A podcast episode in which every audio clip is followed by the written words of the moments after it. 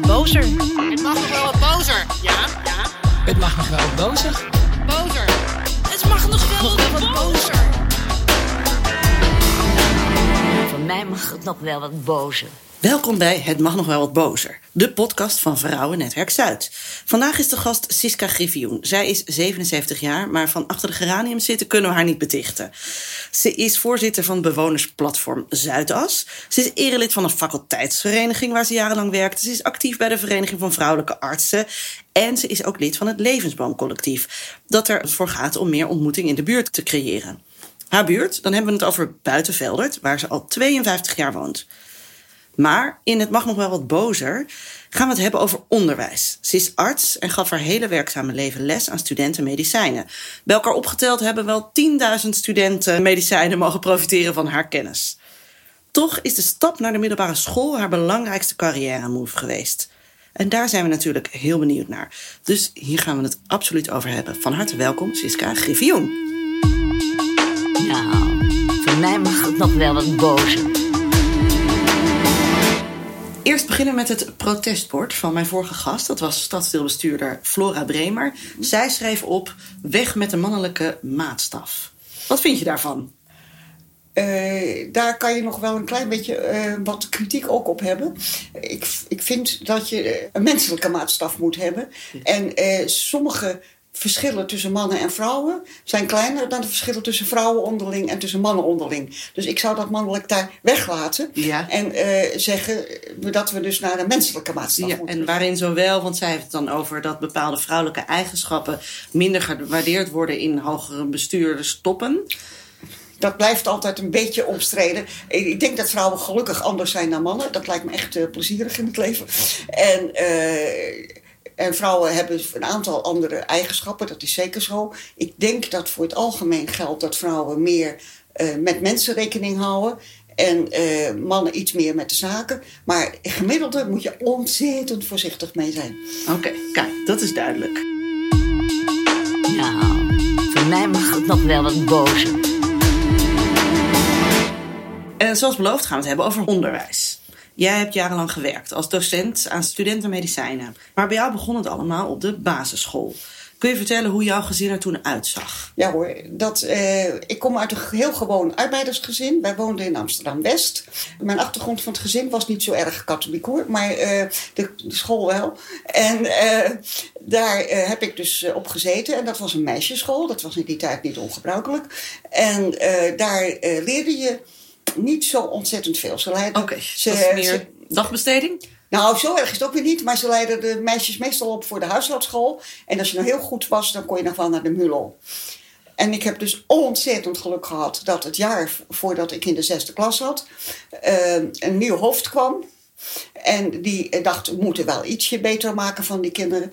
En dat eh, ook de onderwijsinspectie kennelijk op school kwam. En dacht van, met sommige kinderen zou je misschien wel wat meer kunnen. Want dat was niet gewoon, zei je. Nee. Het jou, eh, in jouw gezin was dat ook niet gewoon? Nee, mijn vader en moeder hebben alleen eh, lagere school. Maar absoluut niet om. Eh, mijn zusje, ik heb één zusje dat ouder is, die was, was wel bijzonder naar de kweekschool voor de detailhandel gegaan. En verder had ik nog een jonger broertje, maar die was toen nog heel klein toen ik op de eh, nakomertje. En want jouw moeder was thuis? Mijn moeder was thuis, je- huisvrouw. En, veel vader? ziek. En veel ziek, ja. En je vader? Mijn vader die werkte bij het gemeentevervoerbedrijf. Tien jaar was hij tramconducteur op lijn 16. Dat was een legendarische tramlijn. Oh, waarom? Omdat die ging van het Haarlemmermeerstation naar het Centraal Station. En eh, die ging dus door de Laressenstraat. En daar woonden toch een beetje de notabelen. Ehm, en in die tijd hadden lang niet alle mensen een auto. Dus Freddy Heineken was gewoon passagier bij hem op de tram. Oh. Mijn vader had een buitengewoon goed geheugen. Wist dus ook van elk huis wie daar woonde. En, en, en de vervolg was natuurlijk de pijp. En dat was de Albert Kuip. En dat was natuurlijk weer heel wat anders. Dus dat waren schitterende verhalen. Dat was een stuk volkser. Ja, dat was, kan je wel zeggen. Ja, dat was echt, eh, was gewoon heel anders. Het was wel heel grappig. En na tien jaar op de tram is hij eh, administratief medewerker geworden in Garage West. Van Ja. het gemeentevoerbedrijf. Dus, dus dat was jouw gezin. Eh, Het was niet normaal dat je naar de middelbare Nee, school ging. Toen niet. kwam iemand op jouw school en die zei... Dan ontboden ze mijn moeder op school tussen de middag. En ze zeiden van, dat, wat gaat u met dat kind doen? En, en toen zei mijn moeder, nou misschien kan ze wel naar de MULO.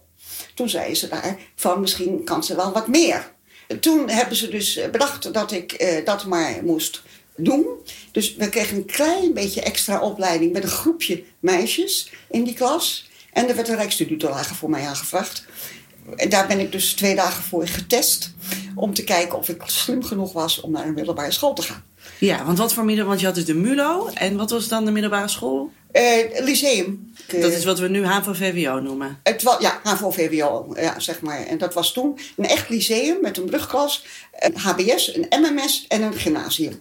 En dat was een onbekende wereld voor je. Geheel onbekend. Absoluut geen idee wat me daar te wachten stond. En ik was nog heel jong, want ik had op die school waar je toch niks leerde alle klassen overgeslagen. En ik ben ook nog voordelig jarig, dus ik was pas tien. Toen liep ik eh, in mijn eentje door het Vondelpark naar die school toe om toelatingsexamen te doen. Want die school was natuurlijk zo slecht dat je dus niet meteen eh, op, opgenomen kon worden op die school. Dus je moest toelatingsexamen doen. En dan liep je van, Van, de Overtoom... van- ja, zeg maar achter de Overtoom, Wilhelminastraat, naar, eh, naar de Reine. In Half uurtje lopen. half uurtje lopen. Want een fiets... Die Had ik toen nog niet. Die heb ik pas gekregen eh, halverwege de eerste klas. Bozer. Het mag nog wel wat bozer. Je eerste schooldag, kun je dat nog herinneren? Van de middelbare school? Ja. Nou, een beetje, zeg maar. Eh, in die tijd wa- waren heel veel kinderen op die school. En ik had een vriendinnetje, hoor. We zijn met z'n tweeën van die lagere school naar de middelbare school gegaan. Maar wij zaten op alfabet in de klas, dus we zaten niet bij elkaar in de klas. En het was dus geheel duidelijk dat het allemaal kinderen waren uit een ander soort eh, buurt dan ik gewend was. Eh, veel uit de Apollolaanbuurt en zo, dat waren toch de chique Zuid, zeg maar. En die kwamen af van een andere school.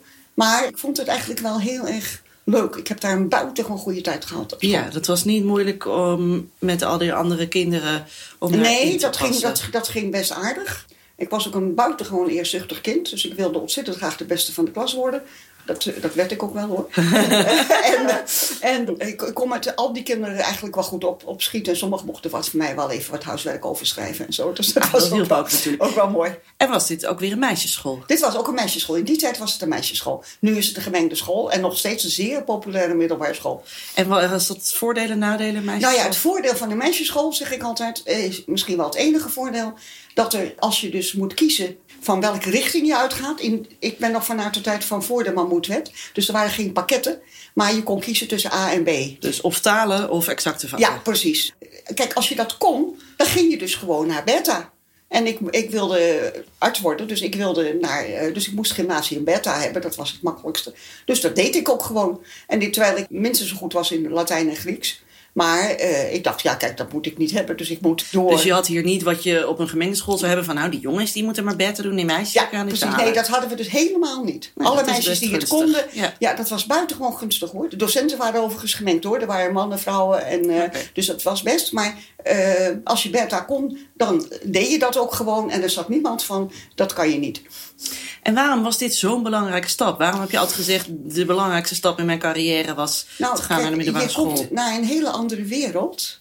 Waarin het gebruikelijk was dat eh, bijvoorbeeld mensen verder gingen studeren. Het waren eh, ook mensen die anders opgevoed waren. Ook meer in rijkdom. Ik bedoel, wij hadden het niet extreem arm. Maar wij hadden absoluut geen rijke eh, achtergrond. En je leerde dus heel snel dat er meer werelden waren dan die schoolwereld zeg maar, van de lagere school.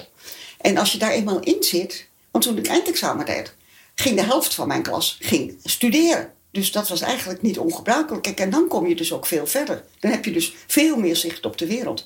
Dat is makkelijker als je, dat, eh, als je al weet dat dat verder gaat. Maar jij wilde ook al arts worden? Dat Ja, is ja, ja, ja, ik, eh, zeg maar toen als klein kind. Maar misschien wist ik ook niet wat je allemaal ver- verder kon worden hoor. Maar ik, eh, ik dacht, het leek mij ontzettend leuk om kinderarts te worden. Dus ik dacht, dat, ga ik maar, dat moet, het moet gebeuren. Dus dan moet je dus naar het gymnasium Bertha. En dan eh En dat heb je ook gedaan. Je hebt Ja. medicijnen gestudeerd. Je bent daarna geen kinderarts geworden, maar wel onderzoeker en Ja. voornamelijk docent. Ja, voor- Wat is er zo interessant aan het onderwijs? Nou, kijk, het, het is ontzettend leuk om mensen iets uit te leggen. Dat doe ik tot op de dag van vandaag hoor. Alle mensen die ergens iets meegemaakt hebben, of ik ga mee naar ziekenhuis enzovoort, dan kan ik dat in huis, huistuin en keuken Nederlands prima uitleggen. En als je, het leuke is, als je echt een beetje weet hoe mensen in elkaar zitten en hoe het werkt. En dat weet ik vrij goed, want ik heb zowel anatomie als fysiologie gegeven. Dan kan je eigenlijk de heleboel ziektes gewoon verklaren. En het is ook ontzettend leuk om te zien hoe iets werkt. En, omdat En nu nog steeds? mensen- Kun je nu ook corona uitleggen aan mensen? Jazeker. Oké, kijk. dat, doe ik, eh, dat doe ik ook. Ja? Ja, hoor, nee, dat is echt eh, dat is ontzettend leuk om te doen. En jonge mensen blijven natuurlijk altijd eh, leuk om iets aan te leren. Ja, kun je nog bepaalde studenten herinneren? Zijn er studenten die zijn Ja, bijgebleven? ja, ik kan ah, zeker wel. eh, Want die, er komt van alles binnen in, in het eerste jaar geneeskunde. En dan, eh, dat was iemand die... Je moest al eh, natuur- en scheikunde in je vooropleiding hebben. Nou, die had, al, had hij al geen natuurkunde. Maar die had ook al in militaire dienst gezeten. Dus die was al wat ouder. En was ook al drie keer uitgeloot. En die had al naar de uitlotingszaak gezegd... Als ik nu niet word ingeplaatst, dan eet ik mijn schoen op. Duidelijk, Toen werd hij onmiddellijk uitgenodigd voor een gesprek en werd hij vervolgens geplaatst. Dus dat heeft effect gehad. Nou, die jongen die kwam ook af en toe gewoon mijn kamer binnenstuiven van mag ik even dit en wil wil je even zo. En eh, toen hij afstudeerde, hij is keurig afgestudeerd, zei hij dankjewel dat je, jij in mij bent blijven geloven terwijl niemand het meer zag zitten. Kijk, daar doe je het dus voor. Ja, je was ook een soort van mentor. Ja, dat, zeg maar, ik, was, ik noem het zelf altijd de zoete inval. Ik had een kamer de- in het AMC en dan eh, kwamen er dus allerlei studenten kwamen ook eh, binnen. En soms, weet je, die mensen zijn natuurlijk van huis uit slim, anders komen ze niet in de universiteit terecht. En soms kan je ze met een paar kleine aanwijzingen eh, weer helemaal op het rechte spoor zetten. Bozer. Het mag nog wel wat bozer. Je hebt ook je erg verdienstelijk gemaakt in de Vereniging van Vrouwelijke Artsen. Wat, wat moest er gebeuren?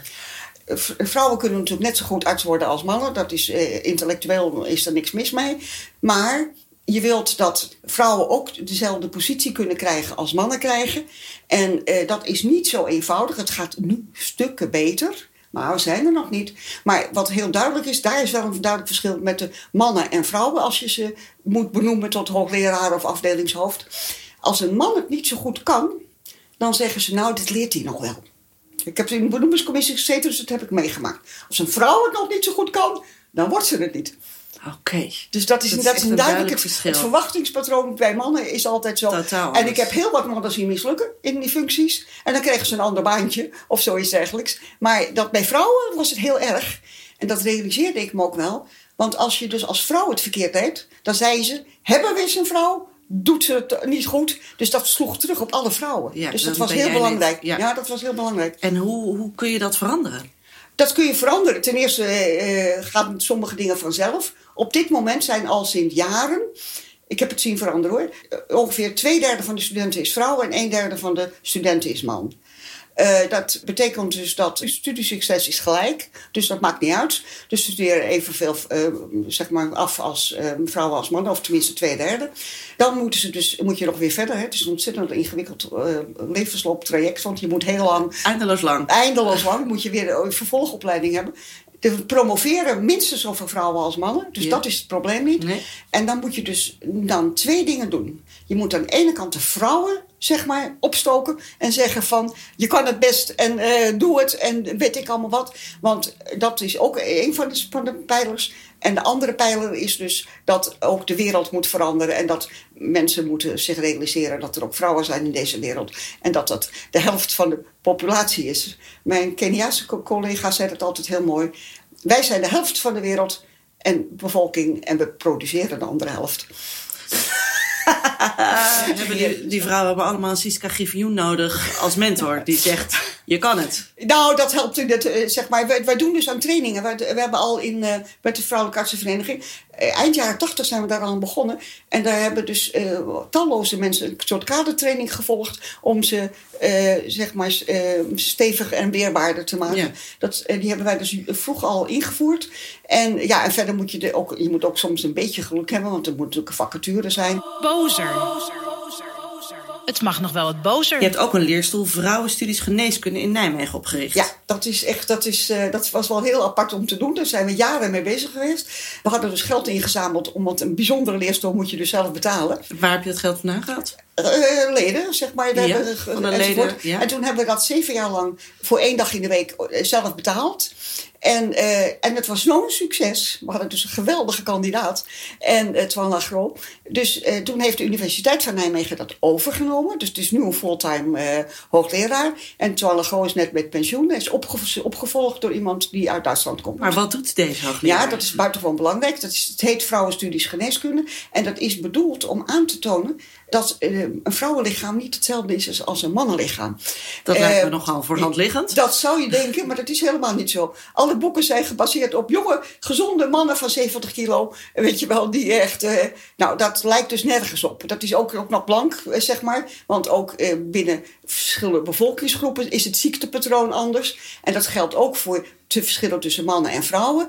En het belangrijkste voorbeelden, want die komen het meest aan de orde, is de cardiologie. En we hebben inmiddels dus ook een hoog, hoogleraar, Angela Maas in Nijmegen, die speciaal voor vrouwen en harten Ja. is. Ik heb nog laatst nog meegemaakt bij iemand die had een hartinfarct gehad. En toen hadden ze dus gecatheteriseerd. En daar konden ze niks vinden. De arts in opleiding was een man en die zei van... eh, nou, dat, dat er een stent was. Ik zei, deze mevrouw heeft helemaal geen stent. Deze mevrouw heeft een typisch vrouwenhart. Want er waren geen verstopte vaten. En dat kom je bij vrouwen nog wel eens meer tegen dan bij mannen. En dat is echt... En dan kan je wel een hartinfarct krijgen hoor. Maar dan heb je dus niet die verstopte grote vaten. Dit hoogleraarschap gaat nog meer van dit soort dingen op het spoor komen natuurlijk. Tuurlijk, nee, nou, die- bij, kijk, bij hart en haar- ze- zij heeft een eigen polykliniek enzovoort. Dus dat is een boekje ook geschreven over harten. Precies. Maar het geldt voor meer dingen. Depressies komen meer voor bij vrouwen dan bij mannen. De, eh, de verslavingen zitten anders. Eh, als je goed kijkt, heb, zijn er vaak verschillen tussen mannen en vrouwen. En een goed wetenschappelijk tijdstip eh, schrift accepteert ook alleen artikelen als daar rekening mee gehouden is. Ah, kijk. Ja, dan gaan ze we maken vorderingen hoor. Kijk, dat is mooi. Ja, dat we is maken mooi. vorderingen. Ja, het is... Over vorderingen gesproken. Wat zou jij graag eh, op je protestbord willen schrijven? Waar wil jij graag voor pleiten? Ik had bedacht, eh, onderwijs is de ruggengraat van de emancipatie. Nou, schrijf het eens op. Bozer. Oh, als de pen ja. Bozer.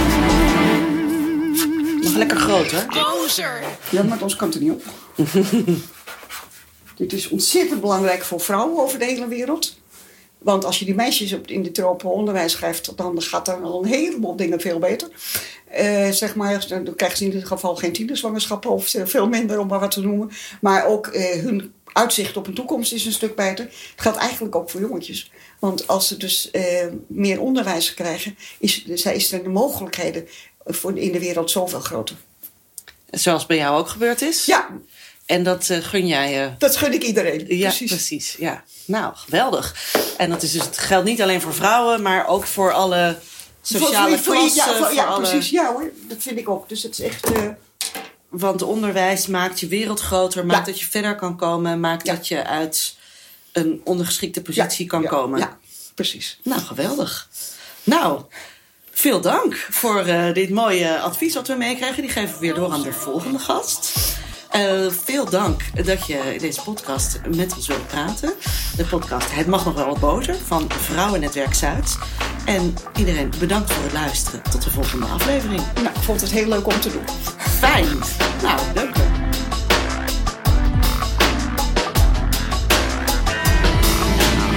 Voor mij mag het nog wel wat bozer.